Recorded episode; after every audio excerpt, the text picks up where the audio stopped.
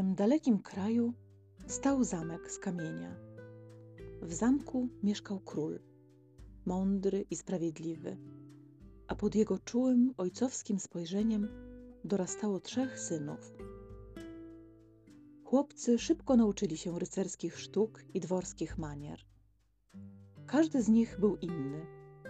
Jeden spędzał czas na polowaniach w sercu puszczy, drugi ucztował aż po białe ranki.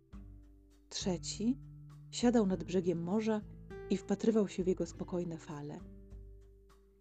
Kiedy nadszedł czas próby, król przywołał synów i opowiedział im o wyspie, o której od dawna krążyły legendy. Na brzegu wyspy, na samej krawędzi, rośnie drzewo życia. Dopłyńcie tam, odkryjcie jego dar i przywieźcie go ze sobą. Bracia wyruszyli w długą podróż. Płynęli przez płytkie i głębokie wody. Rano budziło ich różowe słońce, nocą usypiał rdzawy księżyc. Gwiazdy układały się nad nimi na wszystkich niebach w kształty pradawnych zwierząt. Okręt przebijał się przez sztormy, przez wiry, przez syrenie zasadzki. Wreszcie, zmęczeni, dotarli do wyspy, o której mówił im ojciec. Na jej brzegu, na samej krawędzi, rosło drzewo. Wysoka, dostojna jabłoń. Jej gałęzie poruszały się lekko, pełne wiatru i szczęśliwych ptaków.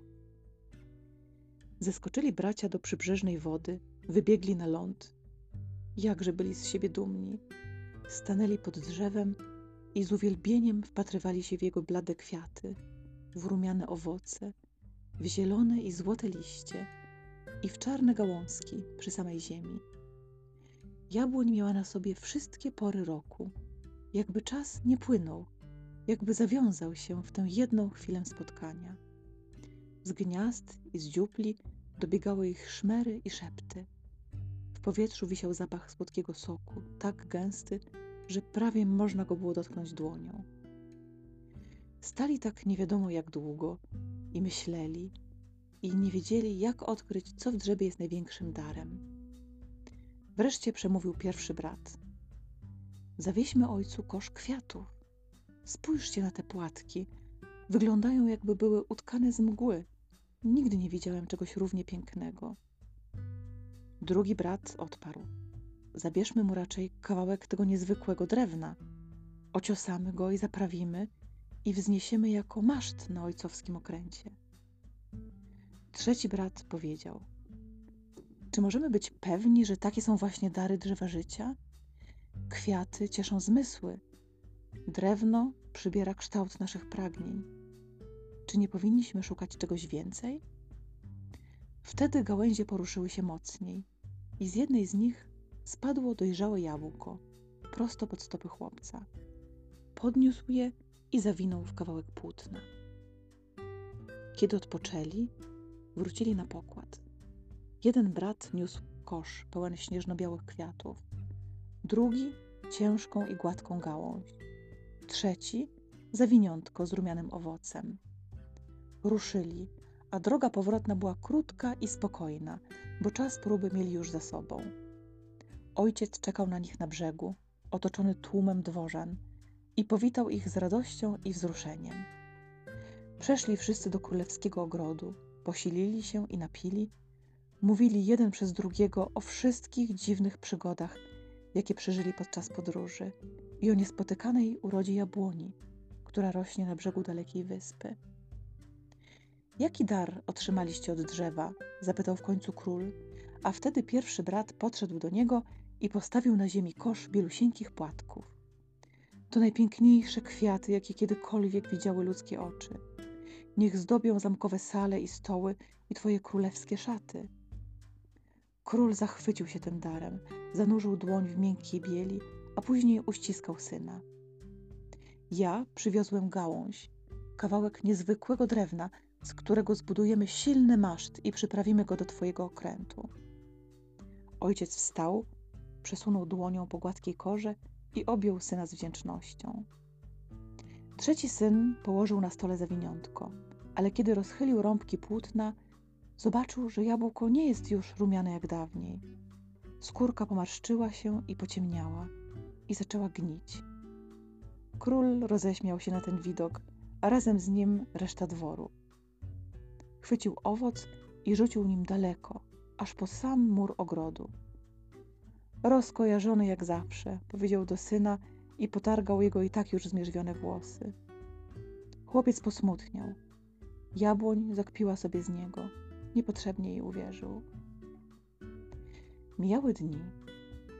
Król kazał upiąć kwiaty jabłoni na zamkowych zasłonach i ułożyć je na wystawnym stole. Komnaty przesiąkały ich nieziemskim blaskiem. Zapach unosił się pod sufitem i płynął przez korytarze.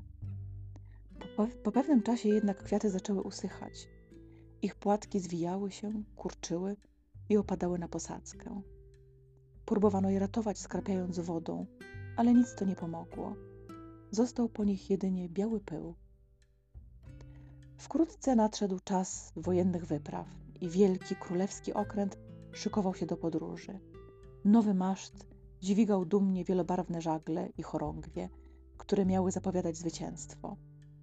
Morze było niespokojne, fale podnosiły się coraz wyżej, aż zaczęły uderzać o niebo i rozpętała się burza. Wicher ciskał okrętem na oślep, a nad ranem, po czarnej nocy, morze wyrzuciło popękany kadłub na brzeg. Maszt połamał się na drzazgi, które szybko zniknęły w morskiej pianie. Król wrócił z wojskiem do zamku i zapadł na głęboki smutek. Tymczasem jabłko, które upadło na wilgotną trawę, znikało powoli, aż zostały z niego same pestki. Ptaki i mrówki rozniosły je po zakamarkach ogrodu. Kiedy w komnatach więdły kwiaty, kiedy maszt łamał się w straszliwej burzy, nasionka zapadały się coraz głębiej w ziemię i którejś wiosny zaczęły kiełkować. Z brązowych łusek wydostały się zielone nitki, pieły się ku górze, do światła, do ciepła, rosły w siłę, aż przebiły się przez warstwę ziemi. Czas płynął dalej. Bracia zmężnieli, mieli swoich synów i swoje własne wyprawy. I kiedy z nich wracali, drzewka w ogrodzie były coraz wyższe, coraz silniejsze, rozkładały gałęzie, obsypywały się płatkami, jakie kiedyś zdobiły królewski zamek. I rosły dalej, wyżej, jędrne i dostojne. Ich drewno przypominało już to, z którego kiedyś wyciosano maszt. Niedługo pojawiły się pierwsze owoce. Sad był miejscem jak ze snu. W letnim skwarze był pełen chłodu i cienia. W wietrzne dni dawał spokojne schronienie. Pory roku zmieniały się w nim jak w kalejdoskopie, który obracaliśmy, kiedy byliśmy dziećmi. Blade płatki, rumiane jabłka, zielone i złote liście i czarne gałązki tuż przy ziemi, słodki zapach soku. Wszystko przywoływało tę pierwszą chwilę z dalekiej wyspy, tamtą wdzięczność i tamto zadziwienie. Bracia stali często w oknie i patrzyli na te cuda. Minęło wiele pokoleń, a ludzie nadal zrywają jabłka i przekazują sobie tę historię, tę najpiękniejszą opowieść o miłości.